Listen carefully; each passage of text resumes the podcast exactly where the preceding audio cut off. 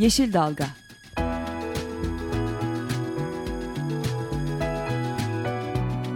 Çevre mücadeleleri üzerine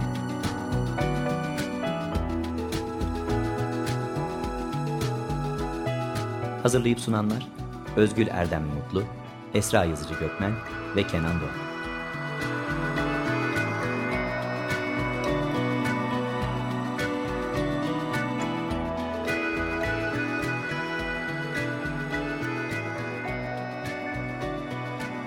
Yeşil Dalga programına katkılarından dolayı Willow Pompa Sistemlerine teşekkür ederiz. Merhabalar, Tema Vakfı tarafından hazırım sunulan bir Yeşil Dalga programında da sizlerle birlikteyiz. E, bu hafta programımızı e, Tema Vakfı Eğitim, Bilim ve Yayınlar Koordinatörü Adaşım Esra Ergin'le birlikte sunacağız. Hoş geldin Esra. Hoş bulduk Esra. E, ve konuklarımız da telefonla bağlanacağız. Birazdan evet. bugün Ankara'da gala gösterimi e, yapılacak olan Sulak Belgeseli'nin yönetmeni ve Doğa Araştırmaları Derneği Başkanı birazdan telefonla e, bağlantı kurarak hem belgeseli hem de sulak alanları konuşacağız. Ama istersen Esra yine her hafta olduğu gibi bu hafta öne çıkan çevre haberlerini hızlıca bir e, geçelim. Evet, e, ilk haberimiz 1 Mayıs 15 Aralık tarihleri arasında avlanmasına izin verilen 15 ayı, 109 yaban keçisi ve 4 çengel boynuzlu e, dağ keçisini kurtarmak için açılan bir imza kampanyası oldu.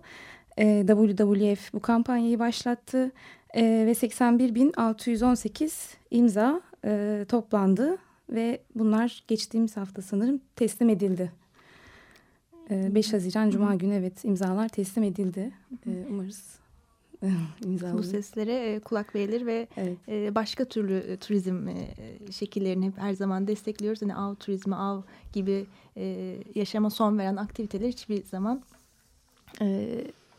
gerçekleştirilmemesini diliyoruz. diliyoruz. Bir diğer haberimiz de Bahçeköy'den İstanbul Sarıyer ilçesine bağlı Bahçeköy'de dün bir ağaç kesimi yapıldı. İstanbul Üniversitesi Orman Fakültesi'nin e, bulunduğu yol üzerindeki çok yıllık 150 yaşına yakın ağaçlar, çınar ağaçları dün İstanbul Büyükşehir Belediyesi tarafından kesildi ve kesim yapılırken de ağaçların kuruduğu için kesildiği bilgisi verildi. ancak yine İstanbul Üniversitesi'nden Orman Fakültesi'nin öğretim üyelerinin yaptığı açıklamaya göre aslında gerçekten kuruyan ağaçların sayısı çok az ve o kuruyan ağaçlar da daha önce yapılan yanlış budamalar yüzünden hmm. kuruyan ağaçlar olduğu söylendi.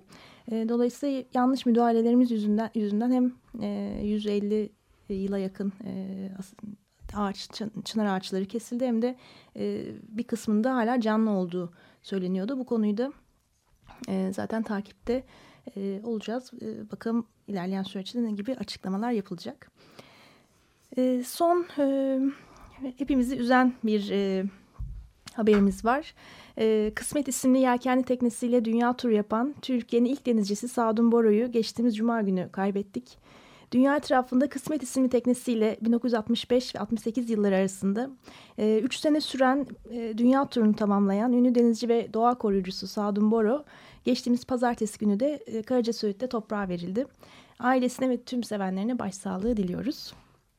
E, sanırım şimdi birazdan konuklarımıza bağlanacağız. Ee, ilk konuğumuz evet. Esra sen istersen ilk konuğumuz, konu olarak da seninle ilgili. E, evet tanıyorum da kendisini. Ankara'da çalıştığım dönemde Doğa Araştırmaları Derneği'nde çalıştığım bir dönem. O dönemde tanıştığım arkadaşım. Belgesel yönetmeni ve yapımcısı Alkumine bağlanacağız bugün. Filminin de galası var bugün Ankara'da. E, filmi konuşacağız kendisiyle. E, Evet kendisinin aynı zamanda ilk e, uzun metre birazdan o da anlatacak ama ilk uzun metrajlı filmi. Belgesel filmi evet. Belgesel filmi Sulak e, evet. belgeseli. 70 Türkiye, dakika. Türkiye'deki e, sulak alanların durumu ile ilgili e, bir belgesel çekildi. E, sanırım 30'a yakın e, sulak alanda çekim yapıldı. E, evet. Yani belgeseli 4 yılda tamamladılar bu arada. E, İzzet Öz tarafından seslendirildi. E, senaryo metninde Önder Cırık yazdı. Müziklerini de Ali Delik, Delikara besteledi. Ve evet şimdi Alkın Bey hattımızda. Hoş geldiniz Alkın Bey. Hoş bulduk. Merhabalar. Merhaba Alkın. Nasılsın? Teşekkür ediyorum Esra. İyiyim. Sen nasılsın? İyiyim ben de. Heyecanlı mısın? Bugün gala var. Ee, heyecanlı değilim ama biraz gerginlik var sanırım üzerimde. O da güzel. Evet tabii ki. İlk e, uzun metrajlı filminizmiş. E, nasıl zaten bir gerginlik olmasın. Evet, e, filmden birazcık bahsedelim. Film e, neler anlatıyor Halkım? İsminden de anlaşılıyor ama. Evet. Aslında önce ben e, neden gerginde olduğunu söyleyeyim. Bu çok uzun bir proje oldu. E, tam anlamıyla bir maraton oldu bizim için. E, proje başından sonuna kadar 4 sene sürdü çünkü. Çekimleri 3 seneyi geçti. E, işte bir sene, bir buçuk sene kurgusu devam etti. Son bir buçuk sene e, müzikleri 8 ayda bestelendi filmin. E, işte bir 70 sayfalık e, taslak bir metin hazırladık. E, işte o, sanırım onun üçte birini, dörtte birini kullandık. Yani çok yorucu ve böyle meydan okuyucu proje oldu. E, işte birkaç ay önce de bitirdik ve şimdi de gala gösterimini yapıyoruz. Zaten biraz sesli, biraz daha ses, sesin az geliyor da Halkın. Biraz daha sesli konuşur musun? Tamam. Şimdi iyi mi? Evet. Şu anda. Aynen. Ee, işte birkaç birkaç ay önce bitirdik filmi. Ee, çok uzun soluklu bir iş olduğu için bizi çok yordu. Ee, ve e, bitmiş olmasının getirdiği bir e, şey var. Hem bir taraftan gerçekten bitti mi diyoruz bütün arkadaşlar. bir taraftan da bir boşluğa da düşebiliriz. Gerçekten çok emek sarf ettik. 70 dakika oldu çünkü film. Yani bir belgesel bu. Sulak alanları anlatıyor. Ee, İç, içerisinde tabii ki röportaj da yok. Yani tamamen görüntü akışına e, kurulu bir e, şey e, kurgusu var. E, neyi anlatıyor belgesel? E, aslında tatlı suyun hikayesini anlatıyor. E, işte denizlerde buharlaşıyor, dağlara çarpıyor, e, yağmur oluyor, kar oluyor. Sonra işte e, derelerle, nehirlerle akıyor, deltalara, ovalara doluyor, gölleri oluşturuyor, denizlere tekrar dönüyor. Tüm bir hikayeyi anlatıyor. Pardon. Ama bu esnada da e, bize suyun, sulak alanların hizmetlerini anlatıyor. E, Bizim ülkemizde böyle üzücü bir tabir var. Bunu da böyle siyasiler çok kullanırlar. İşte su akar, e, Türk bakar ya da işte boşa akan su diye böyle derelerden, nehirlerden bahsedilir bilirsiniz. Bu illaki bir ranta paraya çevrilmelidir. Aslında bu çok yanlış. Bunu da biz bu e, filmde yanlış olduğunu gösteriyoruz ve doğrusunu anlatmaya çalışıyoruz. Su çünkü boşa akmaz. Beraberinde bir yaşamı taşıyor, bir hayatı taşıyor. Evet. O bütün... Besin zincirinden bahsediyorsunuz bu durumda. Nasıl? Besin zincirinden de bahsediyorsunuz. Tabii ki, tabii ki. Zaten e, besin zincirini e, göllerin, e, deltaların oluşumunu anlatıyoruz. Sonra da buralarda besin nasıl oluşuyor? E, bundan bahsediyoruz. Çünkü bütün o mineraller, organik maddeler kopup gelen dağlardan deltalarda, göllerde birikiyor ve bunların hepsi e, karbon ve azot, fosfor açısından çok zengin. Dolayısıyla e, bir aşağıda bir besin üretim patlaması oluyor. Evet. Zaten göl ve bataklıklar e, yağmur ormanlarından sonra dünyada besinin en çok üretildiği, biyokütlenin en çok üretildiği alanlar. Bunu da biz zaten gözle göremiyoruz. Aslında filmde de göstermek istediğimiz şeylerden biri de bu. Yani biz çünkü bir sulak alanı veya göle gittiğimiz zaman sadece bir su kütlesi görüyoruz. Bir de e, işte üzerindeki kuşları görüyoruz. E, balıkçı balık tutmuşsa balığı görüyoruz ama bu gördüklerimiz zaten bizim gibi tüketiciler. Üreticiler aşağıda, üreticiler gözle görülmüyor. E, planktonlardan mikroorganizmalara, bakterilere kadar oksijenli, oksijensiz çamurun içinde e, sayıca ve kütlece çok fazla miktarda canlı besin üretiyor. Bu besin de bizim tamamen soframızda soframıza kadar gelen besin. Bunları anlatıyoruz. Bunları çekmek için özel sualtı kameraları yaptık. Hava çekimleri, normal çekimler. E, bayağı bir böyle 3 sene e, 30'dan farklı alanda çalıştık. Evet. Nerelerde yaptınız peki çekimleri? Ben çekimlerde e, tematik ilerledik. Yani filmde işte 30'dan fazla alan aslında sayısını da bilmiyoruz. Yani bizim tahminimiz, tahminimiz 30. Ee, Anadolu'nun e, bir sürü alanında işte göller bölgesinden işte Sultan Sazlığı'na, e, Çıldır Gölü'ne, e, işte Kızılırmak Deltası'na, Göksu'ya, e, Yumurtalık, işte Adana Yumurtalık lagünlerine çoğu alanda çekim yaptık. Yani burada da dikkat ettiğimiz şey bu alanları anlatmak değil, e, filmin içindeki bölümleri en iyi gösterebilecek yani en iyi resim verebilecek alanları aramaktı. İşte mesela e, saz üretimi, saz kesimiyle ilgili e, konuyu Sultan Sazlığı'nda çektik mesela. İşte e, tuz üretimini e, Tuz Gölü'nde, işte sodayı e, Denizli Acıgöl'de, e, deltaları ve besin zincirinin belli bölümlerini Adana'da, e, yumurtalıklı günlerinde bu şekilde e, çalıştık. Evet süper. E, filmin çıkışı nasıl oldu peki Halkım?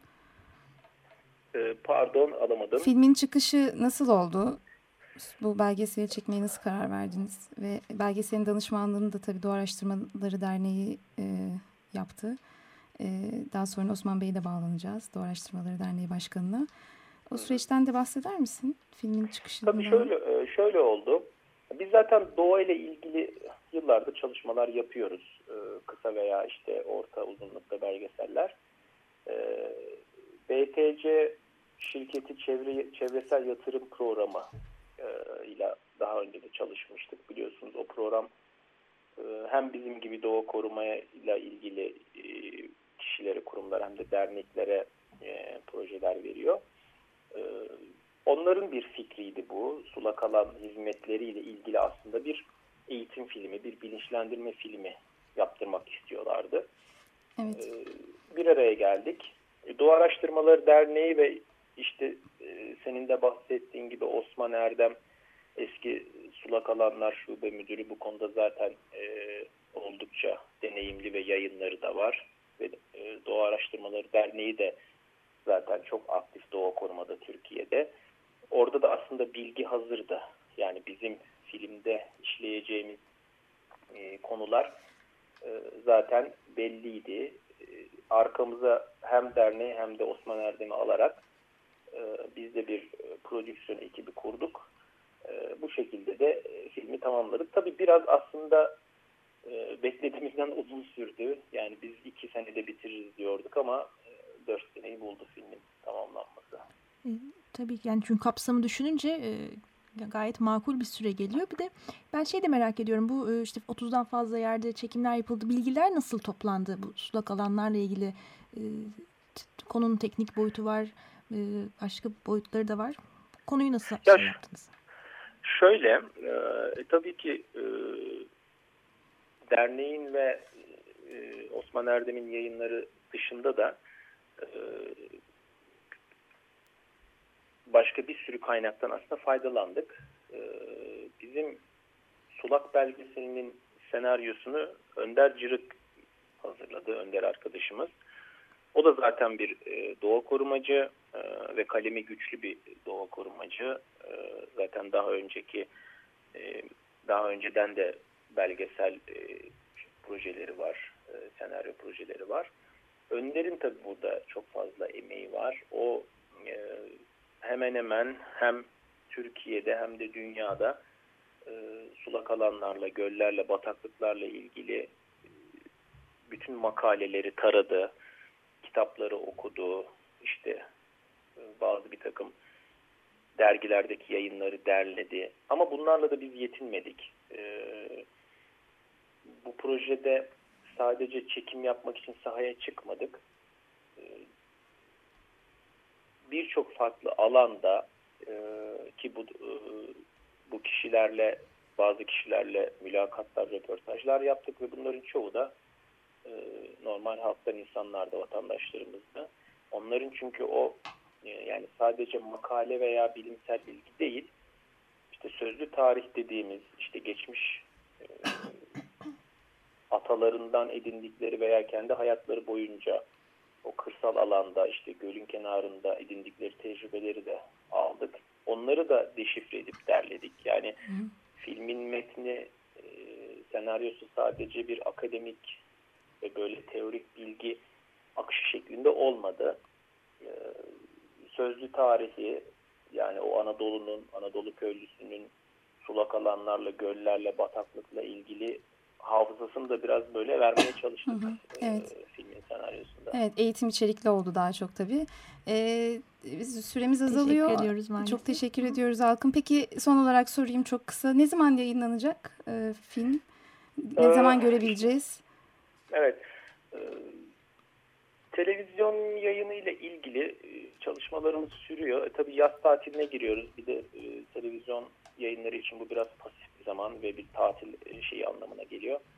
Sanırım sonbaharda bir ulusal kanalda e, yayına girer diye düşünüyorum. Bunu zaten hem biz web sayfamızdan ve sosyal medyadan Duyuracaksınız. işte ve sizlerin de aracılığıyla yardımıyla duyururuz. Tamam Tabii çok ki. teşekkür Çok ediyoruz Alkın teşekkürler. katıldığın için. Ee, bugün güzel bir gün olur umarım senin için. Tüm gün Ge- ge- gerginliğin en sonunda geçer gider. Evet. Ee, ellerine İnşallah, sağlık. Çok teşekkür ediyorum. Ee, Sağ hem. Ee, Şemen e, Doğa Araştırmaları Derneği Başkanı Osman Erdem'e bağlanıyoruz. Ee, hoş, e, evet şimdi birazdan hattımızda olacak. Osman Bey'le de e, hem e, konuyu biraz daha teknik açıdan ele alacağız. Yani sulak alan nedir, neden önemlidir, Türk, şu anki Türkiye'deki sulak alanların durumu nedir, e, tehditler e, nelerdir ve de e, aynı zamanda e, Doğa, Araştırmaları Derneği'nde biraz e, tanımak evet. e, istedik. Dernek ne gibi çalışmalar yapıyor? Bundan sonraki e, ön, kısa vadedeki projeleri başka neler var? Bunları birazdan Osman Bey'le konuşacağız. E, çünkü çok önemli bir e, çalışmada aslında yer aldı Doğa Araştırmaları Derneği. Böyle bir e, ilk... Heh, evet hemen Osman Bey yayınımızda. Hoş geldiniz Osman Bey. Ee, hoş bulduk efendim. İyi yayınlar. Teşekkürler. Teşekkürler Osman Bey merhaba. E, hemen Merhaba. e, hızlıca e, sulak alan nedir? Şimdi sulak belgeseli hakkında konuştuk Alkın Bey'le. Evet. Ama sulak alan sulak alan diyoruz hep. Nedir? e, ne anlamamız gerekiyor sulak alan dediğimizde? İsterseniz kısaca hemen onunla konuya giriş yapalım.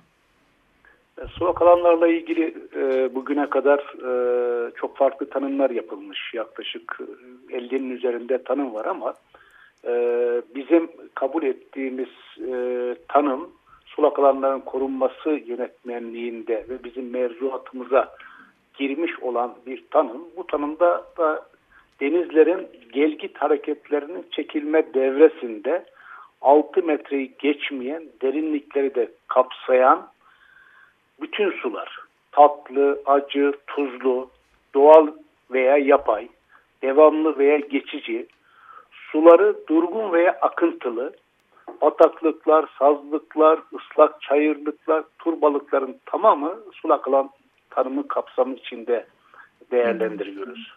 Evet oldukça e, geniş bir tanım aslında. Evet, Ve evet, hatta, evet. e, Aslında e, çevremizde gördüğümüz bütün su kitleleri, hatta denizlerinde 6 metreye kadar olan derinliklerinde buna dahil edebiliriz. E, sulak alan olarak tanımlıyoruz.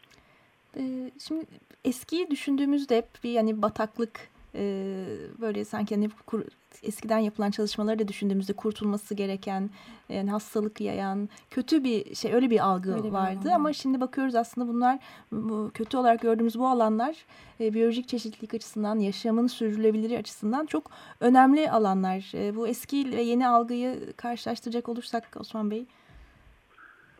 Bir kere e, e, su yaşamın e, kaynağı. Su al, olmadan e, yaşam olmuyor. Yani kullandığımız içme, kullanma, sulama suyunun kaynağının önemli bir kısmında sulak alanlardan sağlıyoruz biz. Ama bunun ötesinde de e, bizim çoğu kez farkında olmadığımız e, bize yararları var ki bunların başında e, sulak alanlar bir kere bulundukları bölgenin su rejimini düzenliyor. Nasıl yapıyor bunu? Yeraltı sularını besliyor. Taban suyunu dengeliyor. Çoğu kez taşkınların yok edici etkisini azaltıyor ki kaybettiğimiz sulak alanlarda zaman zaman bunu yaşıyoruz. Örneğin her yıl hemen hemen işte Hatay'da e. Hatay'ın sular altında kaldığını falan haberlere konu oluyor. Bunun sebebi işte geçmişte Amik Gölü'nde toplanan suların artık Amik Gölü'nde toplanamamasıdır. Bunun gibi e, bulundukları bölgenin su rejimini düzenliyorlar. Yine bulundukları yörenin iklimini yumuşatırlar. Yani kuraklık etkisini azaltır. Biraz önce sizin de ifade ettiğiniz gibi yeryüzünün en fazla biyolojik üretim yapan sistemleri. Çok zengin bir biyolojik çeşitliliğe sahipler. E, ayrıca e, ekonomik açıdan da e, son derece önemliler. İşte balıkçılık e, ki bugün e, yediğimiz balıkların üçte ikisi yaşamlarının tamamını veyahut da önemli bir e, devresini sulak alanlarda geçiriyorlar. Yani sulak alanları kaybettiğimizde aslında beslenmemizde çok önemli yeri olan balıkçılığı da kaybetmiş oluyoruz. Yine sazcılık, hayvancılık özellikle Orta Anadolu için bizim e, sulak alanlar e, hayvancılığın geleceği açısından da son derece önemli. Neden önemli? Orta Anadolu'da e, işte bir ay sonra her taraf bozkırdır ve sapsarı olur ama bir tek yer her dem yeşildir. Sulak alanların bulunduğu bölgeler ve hayvancılığın sürdürülebilir açısından da son derece önemlidir. Yine tuz üretimi açısından ki ülkemizin tuz üretiminin yaklaşık yüzde 90'ını bir sulak alanlardan. Nereden? Çamaltı Tuzlası'ndan, İzmir Kuş Cenneti'nden ve Tuz Gölü'nden. Yine çok önemli bir sulak alan ekosistemidir. Tuz Gölü'nden sağlarız. Yine turizm ve e, rekreatif e, olanaklarıyla çok yüksek bir ekonomik değere sahiptir. E, sadece çok küçük bir örnek vereyim e, şeyden. Mesela e, Amerika Birleşik Devletleri'nde 45 milyondan fazla insan amatör balıkçılık yapıyor sulak alanlarda. Bu hobileri için her yıl 24 milyar ABD doları harcılıyor. E, yine Amerika Birleşik Devletleri'ndeki e, Florida'daki sulak alan ekosisteminin yıllık turizm geliri hesaplanmış 500 milyon dolar. Evet. E, bu pek çok örneği var tabii. İngiltere'de e, kayıtlı kuş gözlemci sayısı e, 2 milyondan fazla. Yine mesela İspanya'daki e, bir donana sulak alanı var. Çok önemli bir sulak alan ki bizde de aynı değerde birçok alanımız var. E, o kadar çok fazla ziyaretçisi var ki 250 kişiyle sınırlandırılmış günlük ziyaret sayısı. Ee, yine bizim de işte İzmir Kuş Cenneti olsun, e, Bandırma'daki Kuş Cenneti olsun, diğer sulak alanlarımızı her yıl çok sayıda insan ziyaret ediyor. Tabii e, bu aynı zamanda göre insanın ekonomik e, gelir sağlıyor. Peki Osman Bey e, bu kadar yani faydaları saymakla bitmeyecek alanların Türkiye'deki durumuna baktığımızda e, nasıl bir durum e, sulak alanlarla ilgili? E, tehditler neler var, var mı yok mu? Aslında e, belki ondan önce şunu ifade etmekte fayda var. Hı hı. Türkiye sulak alanlar bakımından bulunduğu bölgenin e, en önemli ülkelerinden bir tanesi. Neden önemli? Bir tanesi e, sahip olduğu coğrafik konum ve topografya. Yani bizim sıfır, üç tarafı denizlerle çevrili bir ülkeyiz ve sıfırdan başlayıp 5000 metreyi aşan yükseklik farklılıkları vardır. Bu aynı zamanda e, çok farklı sulak alan ekosistemlerinde sahip olmayı sağlamış bize. Bir başka özelliği e, sulak alan dediğimizde ilk canlı olarak e, karşımıza su kuşları geliyor. E, Türkiye Batı Palarktik bölge olarak tanımladığımız Uralların batısında kalan bölgede dört tane önemli kuş göç yolu vardır. Bunlardan iki tanesi Anadolu üzerinden geçer.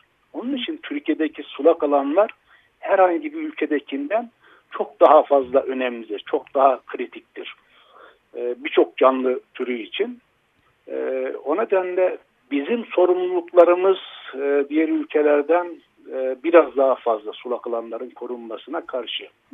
Koruyabiliyor muyuz? Ne yazık ki e, geçmişte zaten koruyamamışız. Tüm dünyada aslında sadece ülkemizde değil geçtiğimiz yüzyılda e, tüm dünya e, sahip olduğu sulak alanların yarıdan daha fazlasını kaybetmiş. Biz de çok önemli sulak alanları kaybetmişiz bu dönemde. Ama e, özellikle 1950'li yıllardan sonra dünya bunun farkına varmıştı. 1971 yılında uluslararası sözleşmeyi sulak alanların korunması ile ilgili gündeme getirmiş. Türkiye de buna e, 1994 yılında taraf oldu. Ama ne yazık ki hala sulak alanlarımızı koruyamıyoruz. Nedir sulak alanlarla ilgili sıkıntılarımız? En başta bir kere kirlenme. Ee, yani bunun e, hem birey olarak hem e, toplum olarak hem de kamu kurumları olarak şöyle bir alışkanlığımız var. E, su e, alır götürür. Yani kirliliği götürendir. Çünkü bizden uzaklaştırır. Aslında bizden uzaklaştırmıyor tabii. Her türlü atığı, evsel olsun, işte endüstriyel olsun, tarımsal olsun atığı ne yazık ki sulak alanlara veriyoruz. Ama bir yandan da dolaylı olarak onları tekrar biz yine almış oluyoruz. Her ne kadar e, yani, e, sisteme elbette vermiş ki, olsak da. Elbette ki. E, yani nihayetinde yine e, bütün canlılarla birlikte insan da bir canlı. E, bu zararı insan da görüyor. E, bir diğer konu e, tabii ki sulak alanların kurutulması. Özellikle Ramsar Sözleşmesi'ne e, Türk hükümeti taraf olduktan sonra sulak alanlarını kurutmadığını söylüyor ama ne yazık ki sadece işte drenaj kanalları açarak sulak alanlar kurutulmuyor. Hmm. Sistemden eğer aşırı miktarda su alırsanız veyahut da o alanı besleyen su kaynaklarını barajlarda tutarsanız veya yönlerini değiştirirseniz yine sulak alanı evet, kurutmuş oluyorsunuz. Evet. Osman Bey e, maalesef süremiz e, sonuna geldik. E, hatta daha çok sorularımız da vardı onları da soramıyoruz. Sadece şunu soralım Doğa Araştırmaları Derneği ile ilgili bilgi almak isteyenler nereye başvurabilir? Bir yerini söyleyip e, maalesef kapatmak zorundayız. Yani bir... E, Valla e, Doğa Araştırmaları Derneği yazdıkları zaman bize ulaşabilirler internet üzerinden. Bir de tabii e, biz Ankara'da merkezimiz. Hı. Ulusal düzeyde faaliyet gösteren bir kuruluşuz. E, Doğa Araştırmaları Derneği olarak. E, Türkiye'nin 1998 yılından bu yana Türkiye'nin yaban hayatının çok, Osman Bey çok özür diliyoruz e, ama e, teknik masadaki arkadaşımız ediyorum. biraz çok teşekkürler. kızdı bize. Çok sağ olun. Çok teşekkürler. İnşallah bir sonraki programda bir evet, evet. sizi tekrar konuk almak isteriz. Evet, çok teşekkür ediyoruz. Çok teşekkürler. Haftaya görüşmek üzere. İyi günler. Yeşil Dalga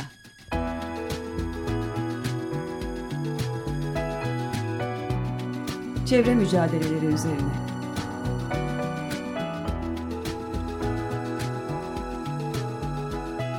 Hazırlayıp sunanlar Özgül Erdem Mutlu, Esra Yazıcı Gökmen ve Kenan Doğan.